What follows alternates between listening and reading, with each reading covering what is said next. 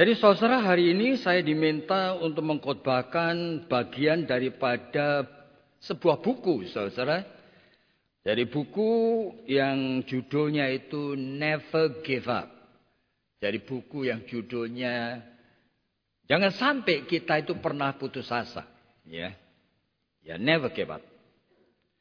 Dan saya diberikan di dalam bagian yang chapter yang ketiga dari buku itu yaitu keep perspective gitu ya. Artinya itu keep things in perspective.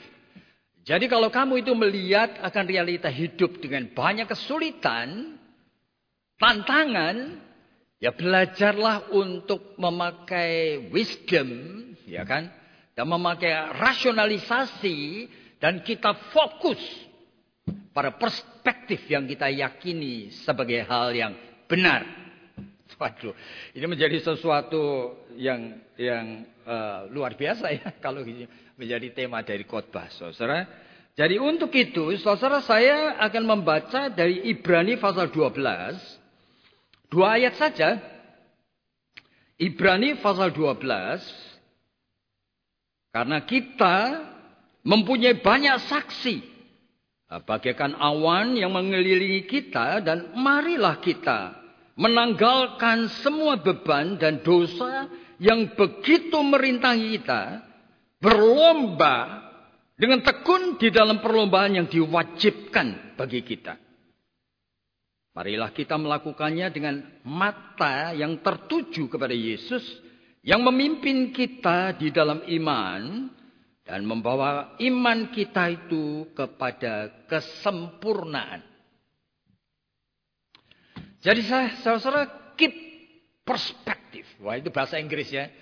Jadi bagaimana kita itu harus fokus dengan wisdom, ya kan, dengan rasionalisasi, kepada target yang sebetulnya kita itu ingin jawab dan ingin selesaikan.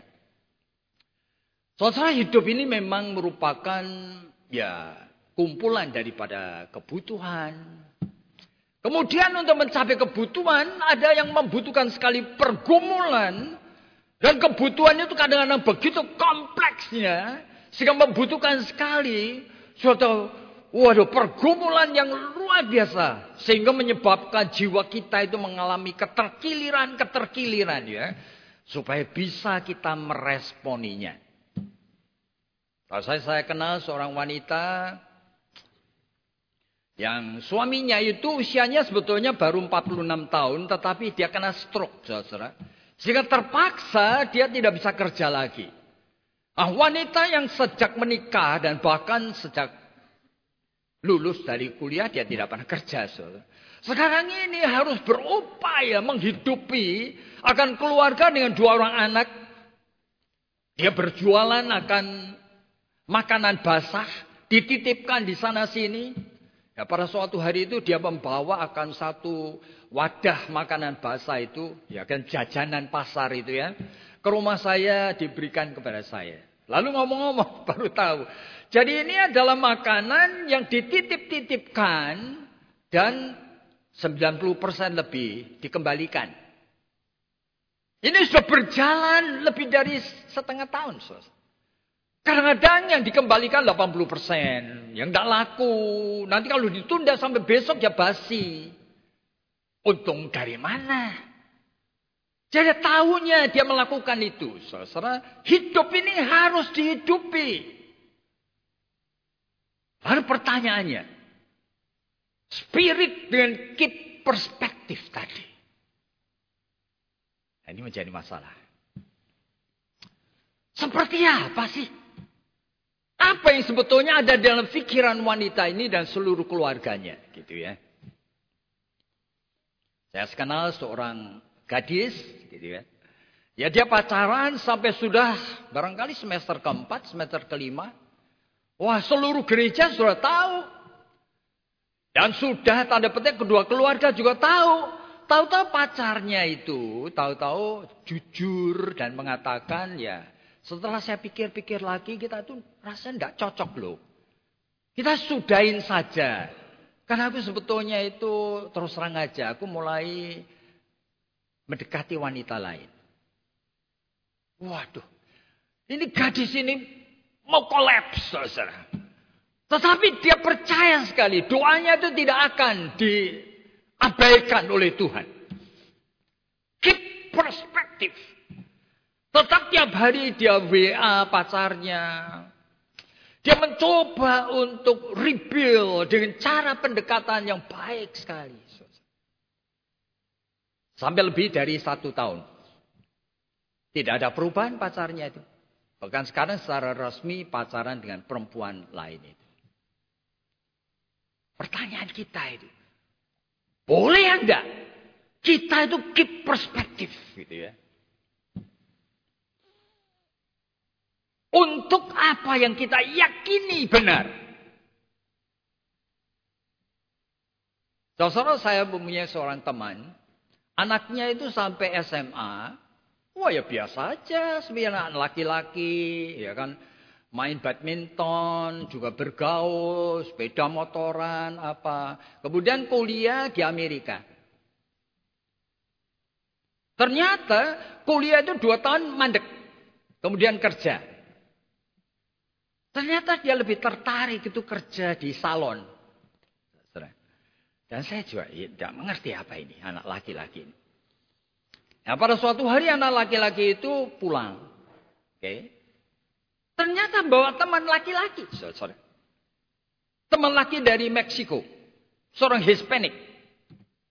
Dan mengatakan dia pacarku. Papa mamanya kaget sekali. Saudara. Lalu laki-laki mau mengatakan, ya ma apa, I'm a gay. Apa itu gay? Papa mamanya bingung, nggak ngerti apa itu gay. Homo. Sekarang ini sudah tahun ke-6. Tidak henti-hentinya papa mamanya berdoa. Dibawa ke psikiater, sampai ke hipnoterapi, sampai konseling. Minta dengan sungguh-sungguh Tuhan. Kembalikan anak saya itu ke jalur yang normal itu. Boleh perspektif ini. You yakin sekali. Yang menjadi target hidupmu itu. You tidak akan goyah. You melibatkan Tuhan untuk bantu kamu. Boleh tidak, boleh tidak, berapa lama. Nah buku itu mengajarkan never give up. Jangan sampai putus asa. But how? Sampai berapa lama? Ada yang perlu diperjuangkan terus atau mandek? Give up? Saudara inilah persoalannya. Mari kita lihat secara bertahap ya. Yang pertama itu. Sebetulnya apa sih yang kita lihat di kanan kiri kita ini? Realita mengenai manusia-manusia yang tough gitu ya yang betul-betul itu bertekad. Wah, Alkitab dan banyak orang Kristen itu juga demonstrate hal yang luar biasa ya. Misalnya saja, Helen Keller.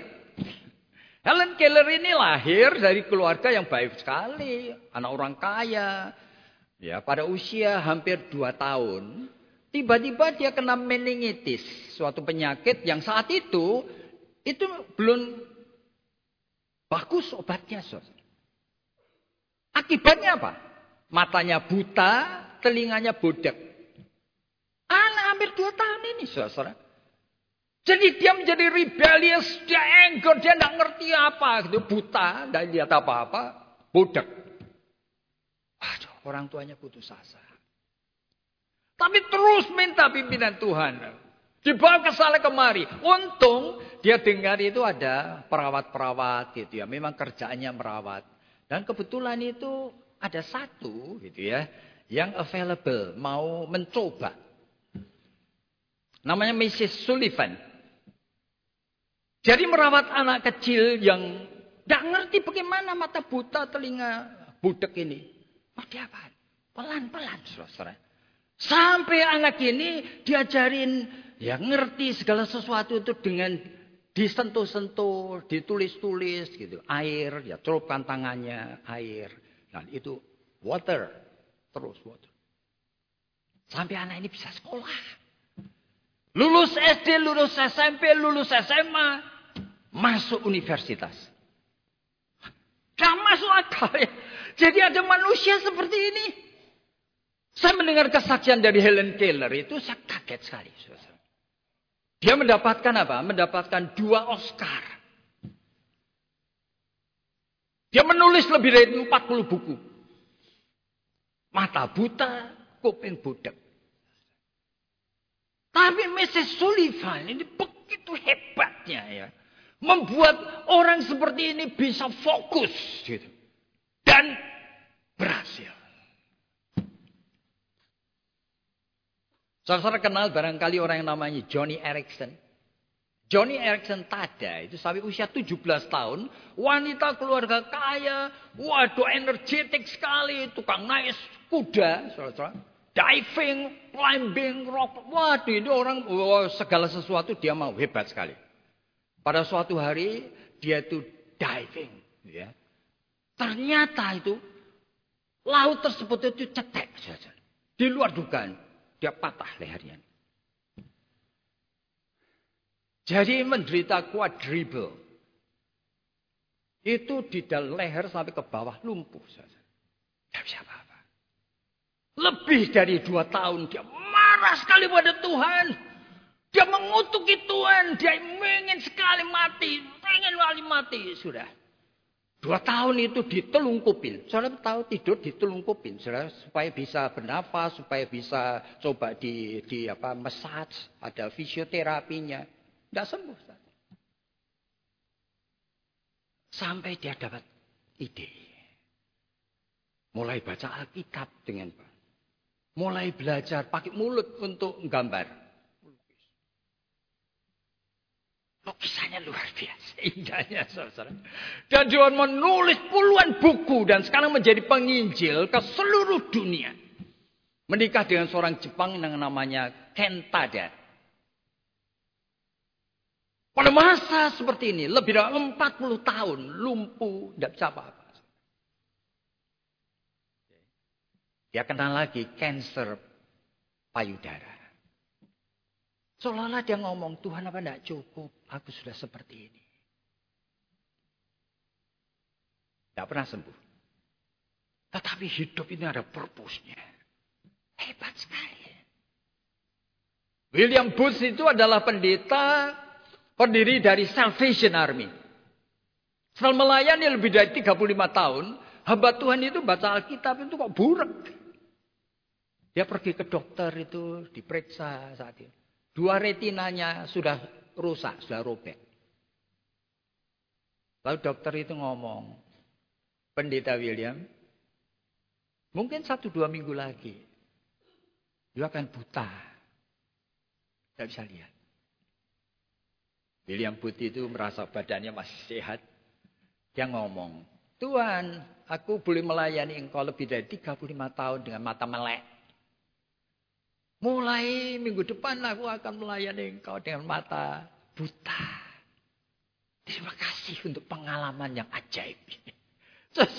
Jadi ini orang istimewa sekali. Dia tidak marah sama Tuhan. Tidak nothing-nothing. Dia tuh tahu sekali. Hidup ini masih ada tujuannya. Hebat ya. Jadi kalau mau diteruskan itu banyak sekali saudara.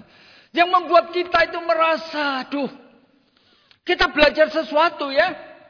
Dari anak-anak Tuhan ini ya. Tetapi ternyata, saudara saya melihat di dalam hidup ini, ternyata bukan cuma anak-anak Tuhan toh. Orang-orang non-Kristen, banyak yang hebat-hebat sekali, saudara. Ya orang Yahudi, yang bernama Viktor Frankl. Viktor Frankl itu dipenjara sama Hitler. Oh, tiap hari itu orang pada bunuh diri lebih baik. Oleh karena depresi, karena tahu.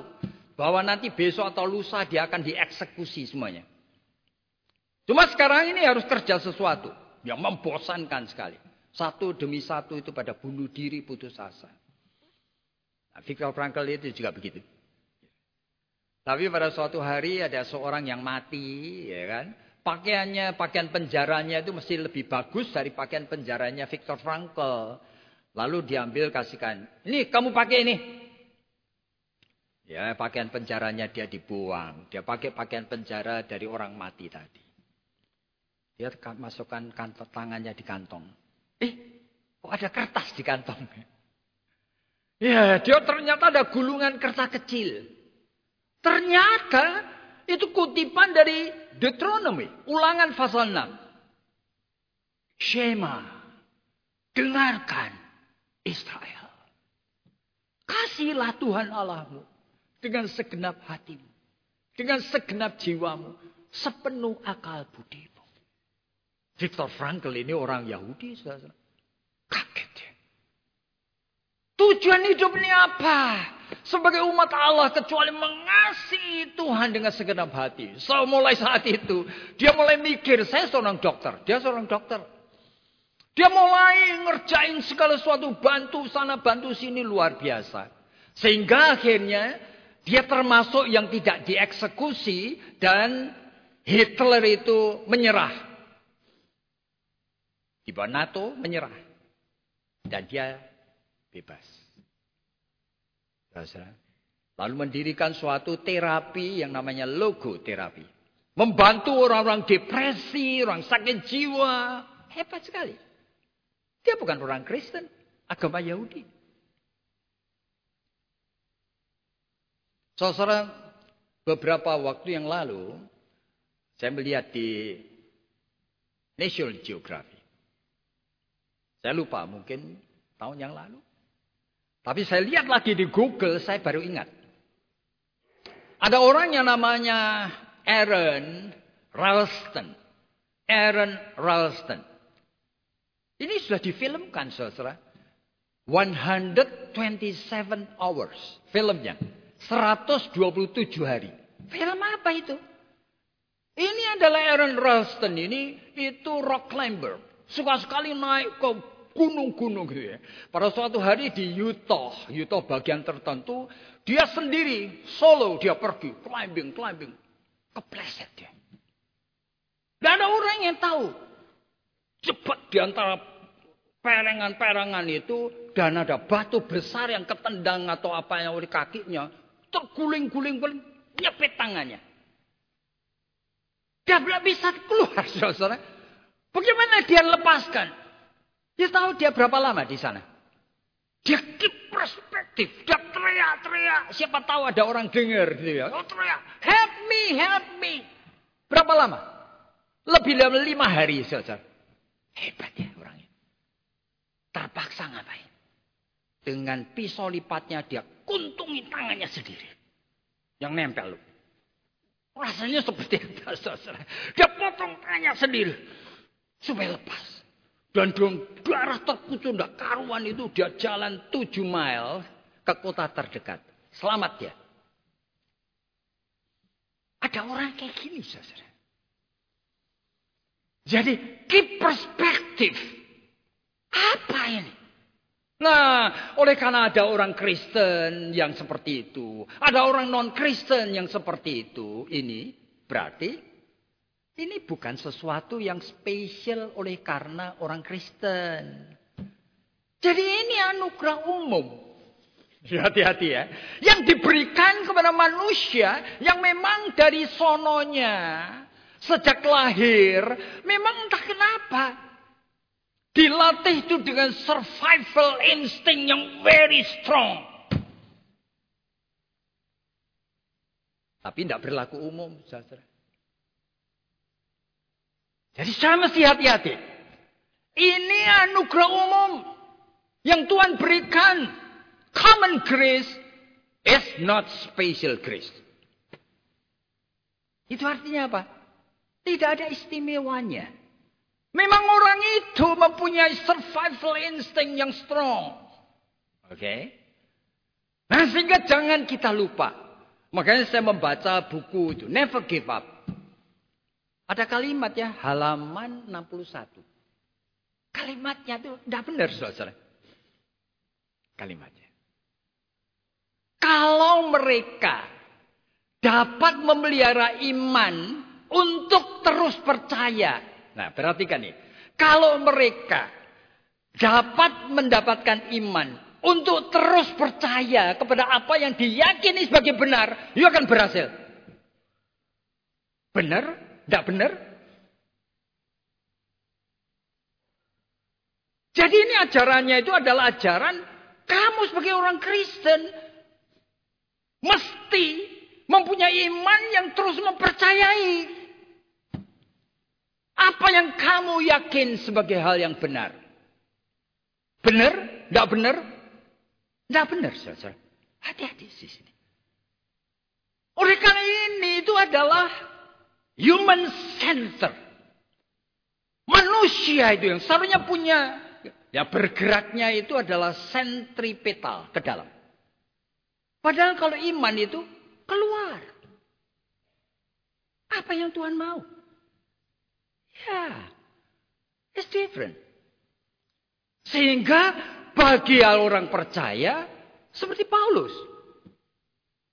Setelah dia minta, ada duri dalam dagingku yang menyengsarakan aku. Kan rasional.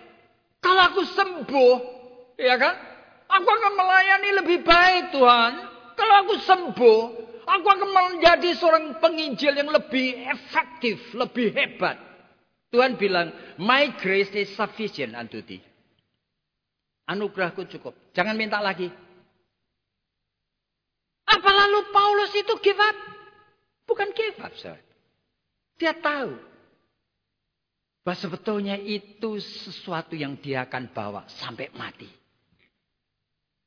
Dia tidak akan minta lagi. Biar duri itu nencep di dalam dagingku. Lalu dia menemukan. Justru di dalam kelemahanku ini. Kuasa kekuatan Kristus itu hadir. Coba aku disembuhkan. Aku tidak pernah mengalami yang seperti ini. Nah ini bedanya saudara. Maka kita perlu hati-hati di sini. Lalu pertanyaan kedua sekarang. Kenapa gereja-gereja kok ada yang ngajarin gitu? Nah, tadi kalau saya dengan Pak Riko omong-omong, ternyata dia tahu sekali bahwa ini itu harus ditafsirkan begini begitu. Iya, sama kita. Cuma ada gereja-gereja lain. Nah, saudara perhatikan. Saudara mulai pada tahun 60-an, gerakan karismatik itu mulai muncul.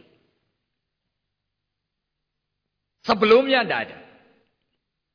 Oleh karena orang-orang melihat kelesuan dari gereja, tetapi lebih lagi, gereja kok terus mengajarkan mengenai kamu orang berdosa.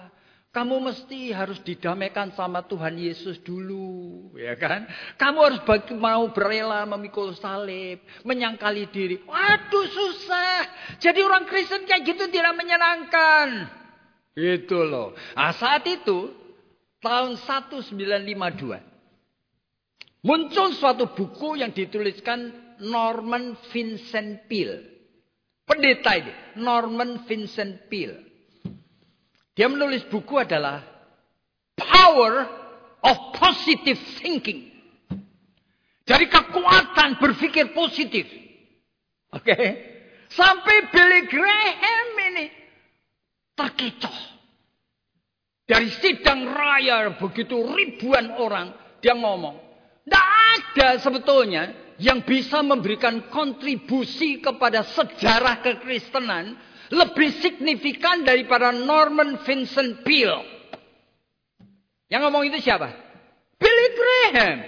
Makanya wah orang itu itu luar biasa. Orang membaca buku itu termasuk Ronald Reagan apa itu kagum sekali. Manusia harus berpikir positif begitu. Tapi itulah permulaan daripada gerakan karismatik. Successful life. Successful family. Dia melihat itu yang dunia mau. Hati-hati saudara. Itu yang jiwa manusia mau. Itu yang saudara dan saya di sini mau. Iblis tahu. You kalau lihat gereja-gereja terbesar di dunia, Joel Joel Austin di Houston itu, setiap kali kebaktian itu 20 ribu orang. Dengerin kotanya. Bagus sekali. Tapi tidak pernah bicara cross.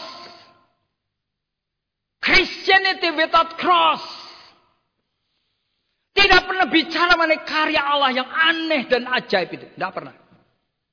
Positive thinking. Supaya kamu berhasil dalam hidup ini. Dan ini diadopsi oleh banyak sekali gerakan. Semua coaching di dunia ini. Memakai positive thinking. You belajar coaching? Harus positif. Supaya potensi dalam hidupmu itu hidup begitu. Bahkan saya belajar counseling itu. Counseling approach yang terbaik itu pun memakai itu. Carl Rogers itu client center terapi itu sampai mengatakan jangan percaya dan jangan mikir manusia itu berdosa. Masalah manusia oleh karena dosa, just forget it. Lupakan itu. Tidak ada manusia berdosa. Kamu percaya aja pada dirimu itu cuma kurang kesadaran.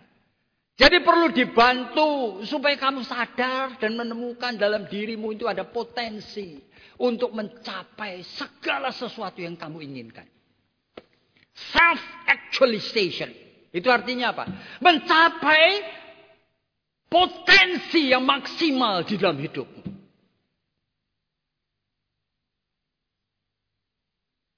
Jadi apa yang terjadi? Jadi pendeta-pendeta besar karismatik itu semuanya adalah menjadi prosperity theology. Kekayaan mereka itu miliaran dolar. Joel Austin itu hampir 900 juta dolar. Apa ini? Kenneth Copeland 886 juta dolar. Mempunyai dua tiga jet plane. Oleh karena apa? Positif thinking. Di dunia itu sukses mereka itu. Tetapi mereka lupa. Ajaran Alkitab itu apa? Makanya betapa sulitnya Yesus mengatakan Matius pasal 19. Orang kaya masuk ke dalam kerajaan surga. Oleh kenapa? Jiwanya sudah seperti itu. Di dalam 2 Korintus pasal 11, siapa yang membuat begitu? Hal yang sebetulnya cuma tanda petik common grace, anugerah umum, dijadikan special grace. Yang buat ini siapa? Iblis. Tapi kita-kita semua tidak sadar. 2 Korintus pasal 15 mengatakan apa? Iblis bisa menyaru sebagai malaikat terang. Makanya pelayan-pelayannya mirip seperti pelayan kebenaran. Apa jual Austin itu hambanya setan? Juga pasti tidak mau. Tapi dia tidak mengerti bahwa dia terus menerus cuma digiring cara berpikirnya untuk menekankan mengenai positif thinking, mengenai perspektif. Terus. 80% Alkitab tidak pernah dikotbahkan. Ya cuma dari mereka ternyata ada yang mendapat karunia. Benny Hinn. Benny Hinn kekayaannya juga 760 juta dolar. Pada suatu hari keponakannya namanya Kosti Hinn itu dibiarkan sekolah di sekolah teologi ya, di Midwestern Theological Seminary. Begitu sekolah baru kaget ya. Alkitab itu ternyata tidak ngajarin itu. Lalu dia Kostihin menulis buku yang judulnya adalah apa? God, Greed, and Prosperity. Allah, kerakusan, ya ketamakan, dan prosperity, kemewahan. Begitu menulis buku itu, omnya ini pendeta top di dunia. Sadar, sadar. Dia baca buku itu, dia lihat Alkitab. Betul Alkitab tidak pernah ngajarin seperti apa yang aku ajarkan. Tahu dia ngomong. Sudah membohongin puluhan juta orang Kristen. Lebih dari 20 tahun. Mulai hari ini aku tidak mau lagi khotbah yang kayak gitu. Jadi syukur kepada Tuhan. Pada orang yang masih mengerti. Hidup ini dipelintir sedikit saja sama setan. Justru tidak tahu menjadi budaknya setan. Sehingga anugerah umum. Menginginkan, punya cita-cita. Supaya berhasil. Tapi fokus you terus di situ. Dijadikan anugerah khusus. Sehingga apa akibatnya? Tuhan kamu seret dari surga untuk melayani kamu.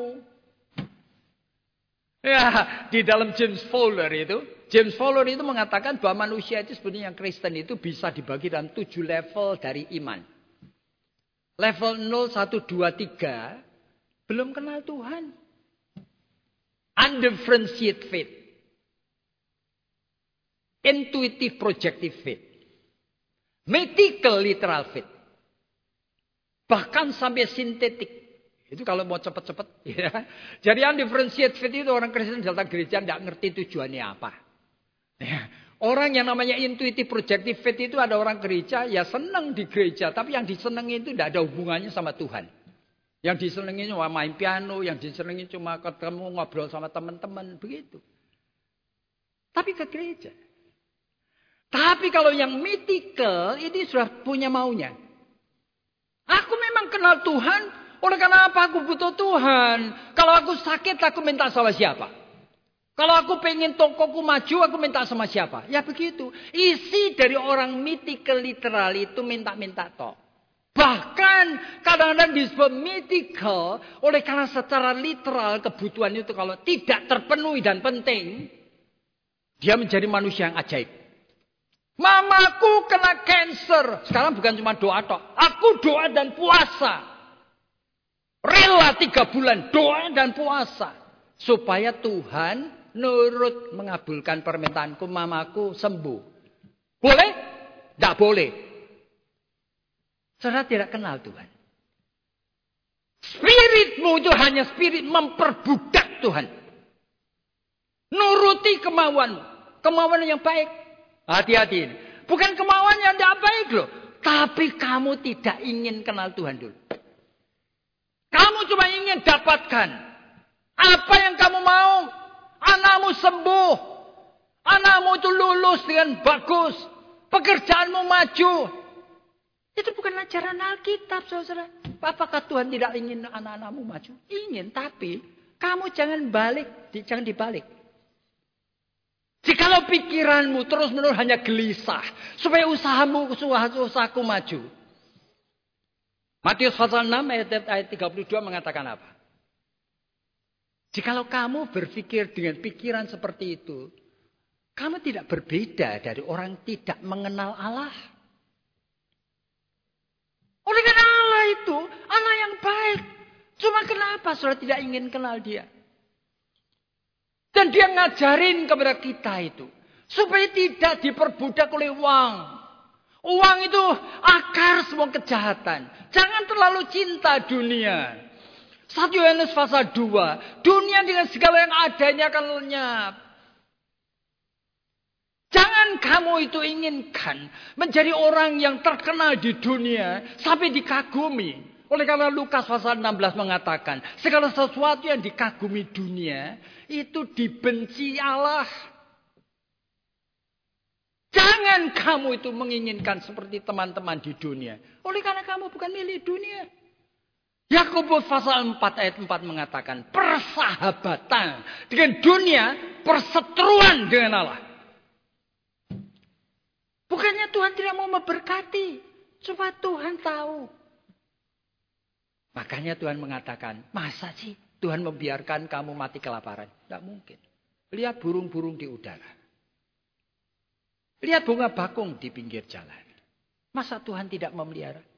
Kamu itu begitu berharga. Cuma jangan mikir dengan pikiran seperti orang tidak percaya.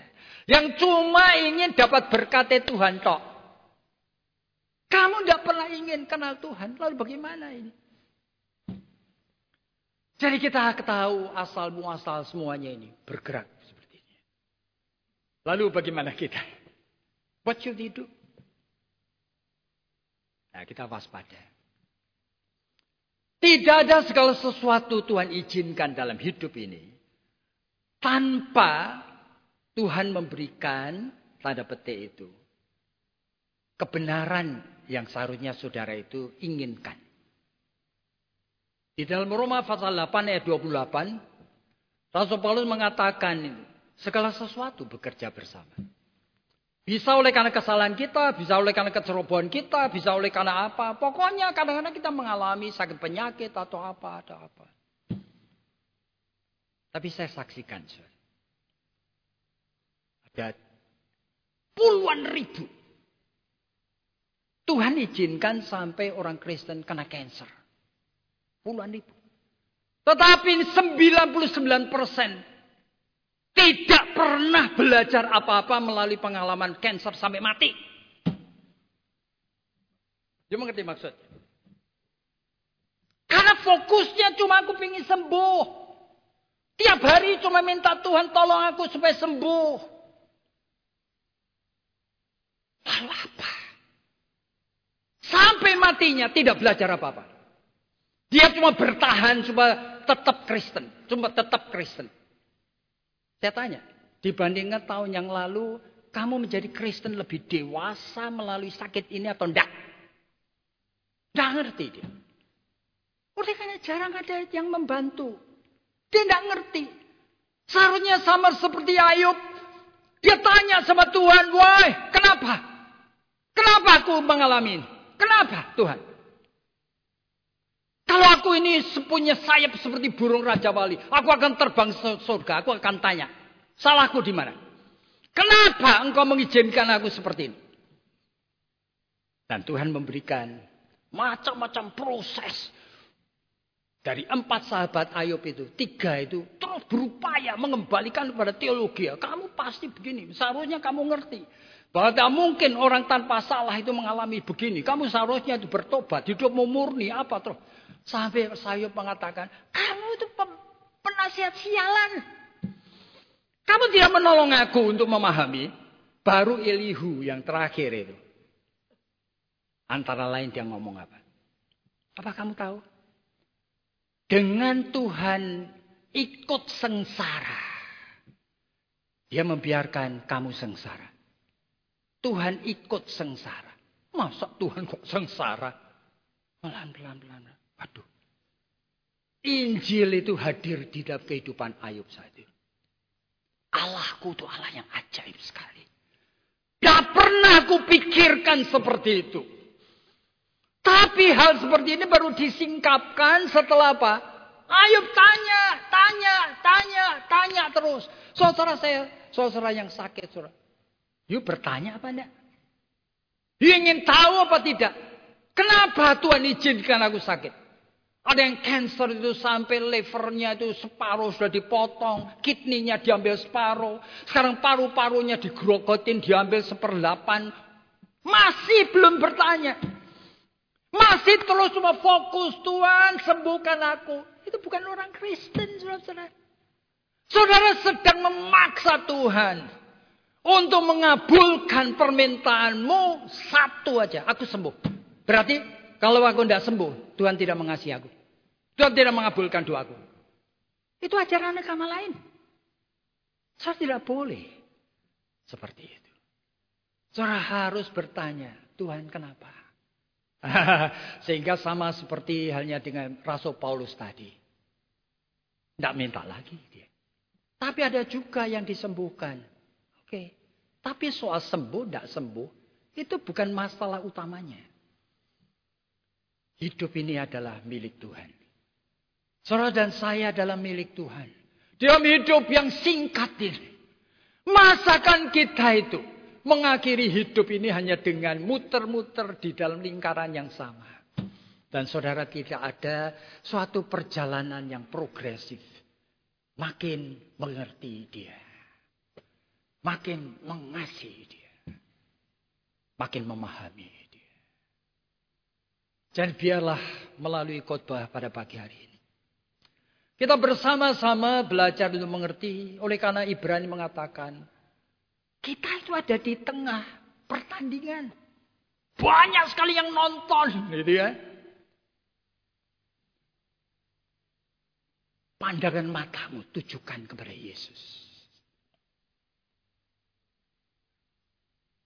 Lihatlah dia. Jangan ke mana-mana. Karena hanya dia yang akan menyempurnakan imanmu. Turn your eyes upon Jesus. Dia yang akan menyempurnakan iman. Jadi jangan eyes kita, mata kita kepada Tuhan aku pengen ini. Itu nomor dua. Ya Tuhan memberkati kita semua sehingga pada saat kita mau menerima perjamuan. Kita duduk semeja dengan Tuhan sebagai anak-anaknya. Yang memang Tuhan membagikan akan tubuhnya itu. Supaya kita menjadi bagian kesatuan dengan Allah yang ajaib ini. Ya Tuhan dipermuliakan. Mari kita tunduk kepala dan berdoa. Tuhan terima kasih. Persiapkanlah hati kami. Jiwa kami, pikiran kami untuk mengikuti perjamuan kudus Tuhan. Anugerahmu yang ajaib. Yang kami tidak mengerti. Ajar kepada kami untuk berani mendekatkan diri kami. Dalam nama Tuhan Yesus kami berdoa. Amin.